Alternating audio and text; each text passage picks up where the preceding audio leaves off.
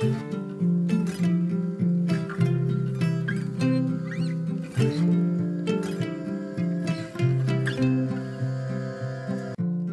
och välkommen till For Health med Anna Sparre. Idag kommer på er lyssnares förfrågan den helsvenska versionen av det den amerikanska funktionsmedicinaren Diana Noland sa i avsnitt 155. Men tänk på att hon ger så mycket mer i den långa intervjun med massor med konkreta exempel och liknande. Så missa inte att även lyssna på avsnitt 155 eller 155b om du är intresserad av det här.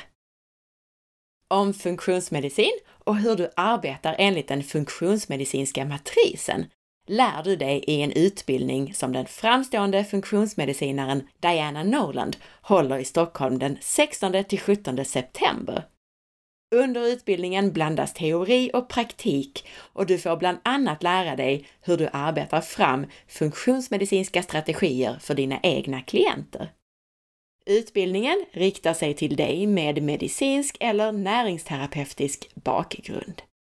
För att läsa mer och anmäla dig, klicka på länken i avsnittsinformationen till det här podcastavsnittet eller gå till alfaplus.se utbildningar eller skicka ett mejl till info alfaplus.se. Om du gillar det här avsnittet så blir jag jätteglad om du vill dela med dig av det på Facebook, Instagram eller till din vän. Och gå in och lämna ett betyg eller en recension i iTunes. Det gör det lättare för mig att få hit intressanta intervjupersoner. Stort tack på förhand! Om du är nyfiken efter avsnittet så hittar du mer information på forhealth.se och så kan du boka mig som föreläsare, till exempel till ett event eller företag.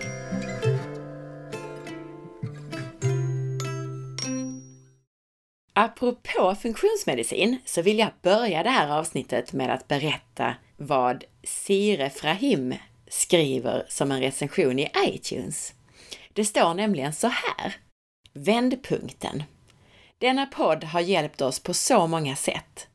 Vår hälsoresa började när vår numera treåriga son föddes i september 2014. Han hade nästan från dag ett ont i magen och var konstant förstoppad, trots att han bara ammade. Han skrek i princip dygnet runt. Han sov inte, kräktes upp nästan all mat, växte dåligt och vägrade ligga på mage. Det enda som hjälpte var när vi satt med honom på en pilatesboll och gungade honom upp och ner. Då blev han lugn och kunde sova. Vi sökte vård på vårdcentraler, BVC, akutmottagning, men blev hela tiden anvisade med att det är kolik och det går över. Ingen hade något som helst intresse i varför han skrek dygnet runt, utan ordinerade Sempers magdroppar och även laxerande mediciner. Jag och min fru satt på all tid vi hade över och letade med ljus och lykta på nätet efter någon eller något som kunde hjälpa oss. Min fru uteslöt gluten, mjölk, soja utan något resultat. Hon testade elimineringsdiet, låg på biogena aminer och salicylater enligt en lista från Royal Prince Albert sjukhus i Sydney, vilket gav lite effekt. Till slut var hon så utmattad att hon satt en hel natt på akuten och fick då en hyperallergen välling med fria aminosyror utskriven, vilket gjorde att hon slutade amma. Först då blev vår son lugn. I takt med att han blev äldre och började äta fast föda så blev förstoppningsproblematiken värre och han kastade sig av smärta på nätterna. Vi fick fortfarande samma råd från sjukvården att det går över. Ett svar vi absolut vägrade att godta. Det var då vi kom över den här podden och efter att ha lyssnat på ett avsnitt med Peter Martin där han pratade om SIBO så insåg vi att vi måste försöka få hjälp av en funktionsläkare för att gå till botten med hans problem. Vi försökte få en tid i Sverige, men eftersom det i princip är omöjligt så sökte vi oss utomlands. Vi hittade då en funktionsläkare i Manchester som vi har haft kontakt med via Skype. Hon tog flertalet prover, CDSA, gentest, organiska syror med mera. Och äntligen fick vi en diagnos på Albin. Hans avföringstest visade på i princip helt brist på goda bakterier i tjocktarmen och istället en överväxt av candida, klebsiella och enterobacter. Det fanns även i tunntarmen, vilket innebar att han hade SIBO. Hans näringsstatus var långt under normalt och brist på framförallt vitamin B12. Han behandlades med antibiotika och även nystatin mot candida. Efter det så ordinerades strikt paleokost väldigt låg på kolhydrater initialt. Han åt även probiotika som till en början gjorde honom mer förstoppad, men efter mycket trial and error så hittade vi rätt även där. Orsaken till att detta uppstått var även en överproduktion av histamin i hans mastceller och även en brist på DAO som gör att han inte kan bryta ner biogena aminer. Det i samband med att han har fått en dålig tarmflora från start gjorde honom extremt förstoppad, vilket i sin tur ledde till SIBO. I samband med att vi la om kosten för vår son så försvann nästan alla våra egna symptom och hälsoproblem som vi haft i stort sett hela livet. Min fru har haft depressioner i omgångar, koncentrationssvårigheter, förstoppning, astma med mera. Jag har haft svåra säsongsallergier, eksem som barn, ADHD-diagnos sedan jag var sex år. Utan denna podd hade vi aldrig kommit på rätt väg. Vår son hade förmodligen haft mycket större risk att utveckla autoimmuna sjukdomar till följd av sin SIBO. Det finns till exempel tydliga kopplingar mellan patogena bakterier som till exempel Klebsiella och IBD-sjukdomar som Crohns och ulcerös kolit. Idag äter vi en paleokost som är låg på biogena aminer, framförallt histamin, och vi mår bättre än någonsin. Så av hela mitt hjärta vill jag säga tack till dig Anna, som gör denna podd och får ut så mycket bra information. Den har hjälpt oss och vår son till ett friskt och mycket bättre liv. Tusen tack för att du tog dig tid att skriva ner den här långa berättelsen och den här fina recensionen. Och jag läste upp den idag för jag tror att den kan vara in av intresse för flera som kanske sitter i någon liknande sits. Och idag var det ju väldigt passande att ni hade fått hjälp via funktionsmedicin eftersom vi idag pratar just om det. Tusen tack alla andra också för era recensioner och berättelser. Diana Norland berättar om hur hon kom in på funktionsmedicin. Hennes bakgrund är inom kost och nutrition och hon har ett stort intresse för kroppens kemi och hur kraftfull kosten är för hälsan. Diana har bland annat varit med och utvecklat IFMs nutritionsprogram. IFM står för Institute for Functional Medicine. Och Diana har också arbetat med utveckling av dietistprogram vid universitet i USA och hon skriver på en bok på temat näringslära och nutrition för medicinutbildningar, alltså för vårdpersonal. Diana berättar om functional medicine, funktionsmedicin. Hon beskriver den vanliga vården som akut vård och akut vård handlar om att ta bort komplexitet. Det här fungerar inte för kroniska sjukdomar där den vanliga vården bara tar bort symptomen. Inom functional medicine, funktionsmedicin alltså, eller funktionell medicin på svenska, så tittar man på hela patienten och letar efter orsak. Man utgår ifrån att kroppen vill bli frisk om vi bara ger den rätt miljö. Vad som är unikt med functional medicine jämfört med andra holistiska eller integrativa metoder, det är att man har utvecklat en arkitektur eller en infrastruktur för att hantera komplexiteten av sjukdom och organisera det så att man snabbt vet hur man bör behandla en patient. Det centrala inom funktionsmedicin är det som kallas the IFM Matrix, alltså en matris eller ett ramverk för funktionsmedicin. Och jag har publicerat en bild av det här ramverket på bloggen dagen innan avsnitt 155, alltså den 11 augusti 2017. Diana beskriver också en del nyckelnäringsämnen som man alltid bör titta på hos en patient. Till exempel vitamin D, A och omsättningen av B-vitaminer och metyleringen. Och Diana säger att även om man i den vanliga vården inte tittar på själva metyleringen så kan man ta ett CBC, ett eh, Complete Blood Count, för att få en indikation på det här med B-vitaminstatus. Och jag ska tillägga att man på svenska brukar kalla det här för blodstatus, där man tittar på en panel av olika prover, bland annat eh, storleken på själva blodkropparna. Och storleken på blodkropparna ger en indikation om man har brist på till exempel vitamin B12. Och jag har pratat lite mer om det här i avsnittet där vi pratar om järnvärden. avsnitt 85. Diana säger vidare att man alltid bör ta hänsyn till sömn och sömnhygien eftersom det påverkar näringsstatus.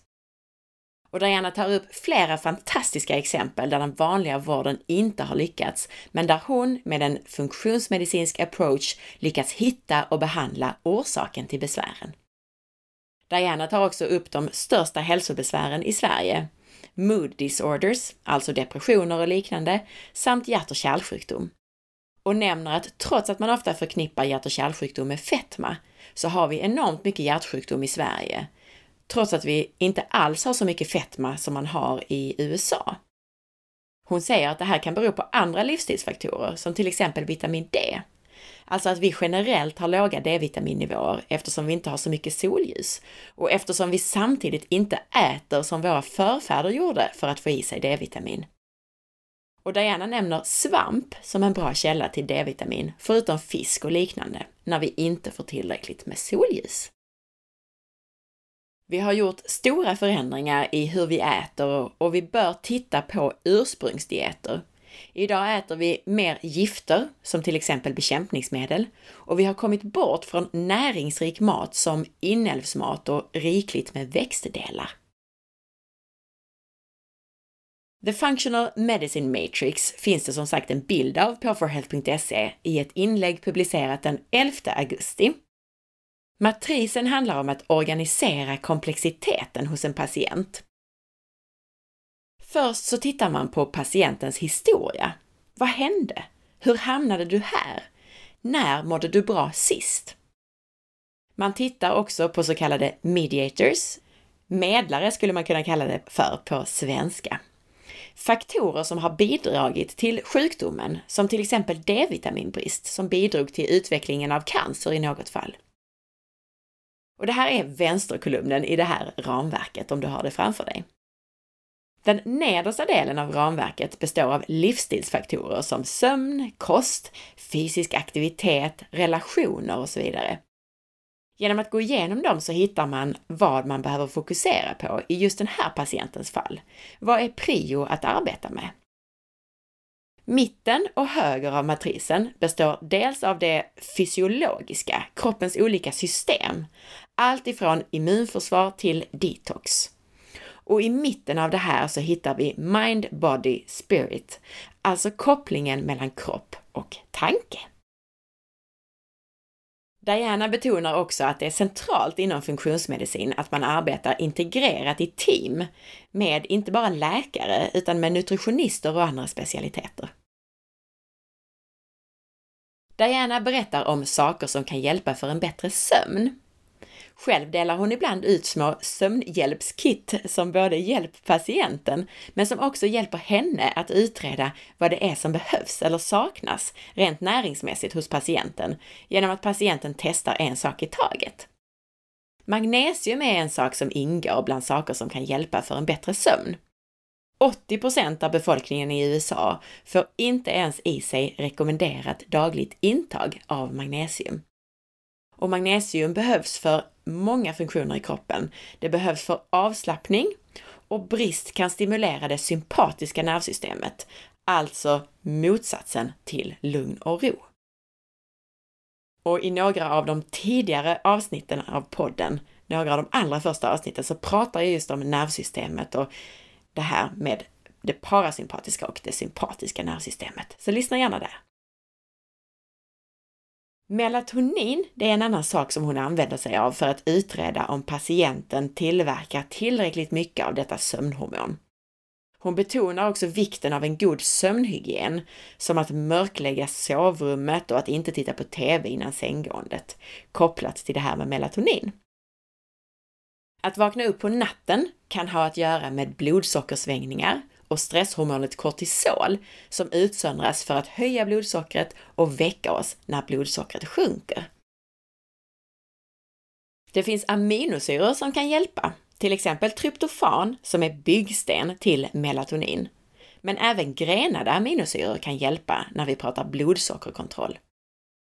För blodsockerkontroll så bör man också se över kostens sammansättning och saker som kan hjälpa med det här är också spårämnet krom och kryddan kanel.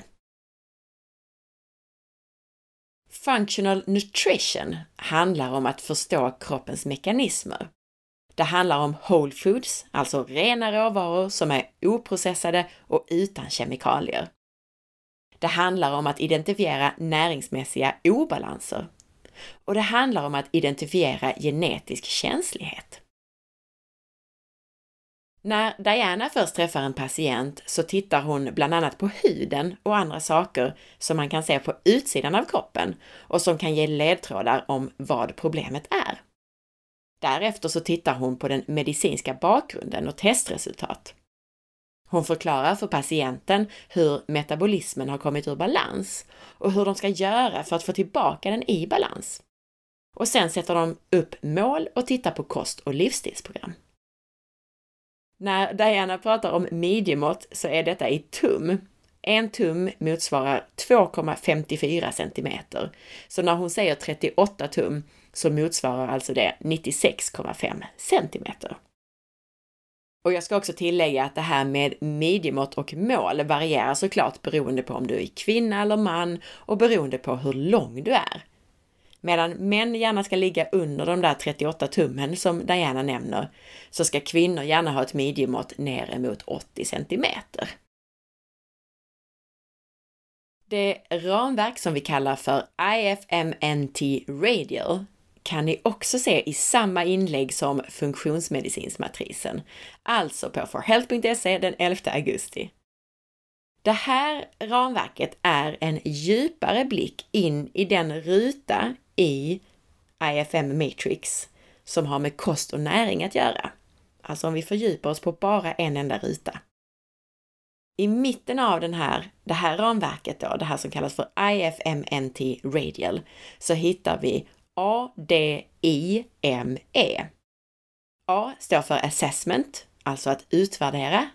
D står för diagnosis, alltså att ställa diagnos. I står för intervention, alltså behandling. M för monitoring, alltså att övervaka och följa upp. Och E står för evaluation, att utvärdera hur det gått och om nya saker uppkommit.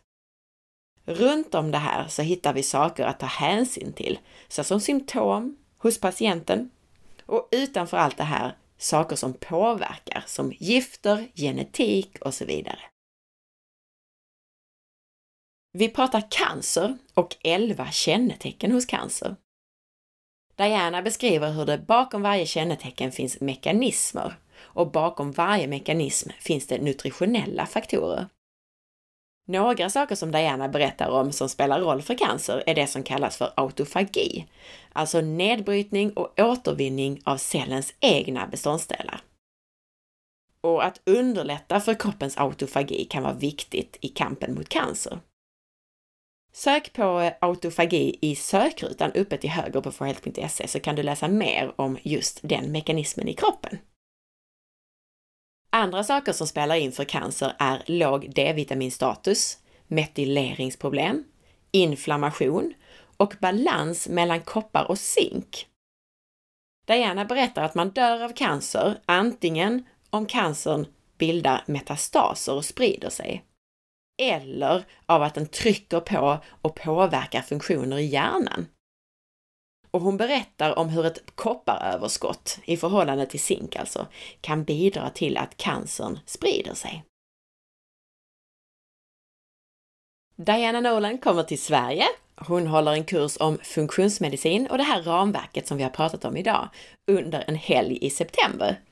Hon kommer att djupdyka i The Functional Medicine Matrix och prata om praktiska saker som hur och vad man ska testa hos en patient, hon kommer att prata om olika sjukdomar och fokusera mycket på praktiska patientfall, case studies. Diana kommer också att hålla en separat kvällsföreläsning på torsdagen samma vecka om hjärnans hälsa. Och redan nu så ger hon några tips för din hjärna. Hon nämner fetternas betydelse och faran med transfetter och margariner hon nämner betydelsen av sömn och fysisk aktivitet för hjärnans hälsa. Diana och hennes klinik hittar du via www.sequoiamedicine.com S-E-Q-U-O-I-A. medicine.com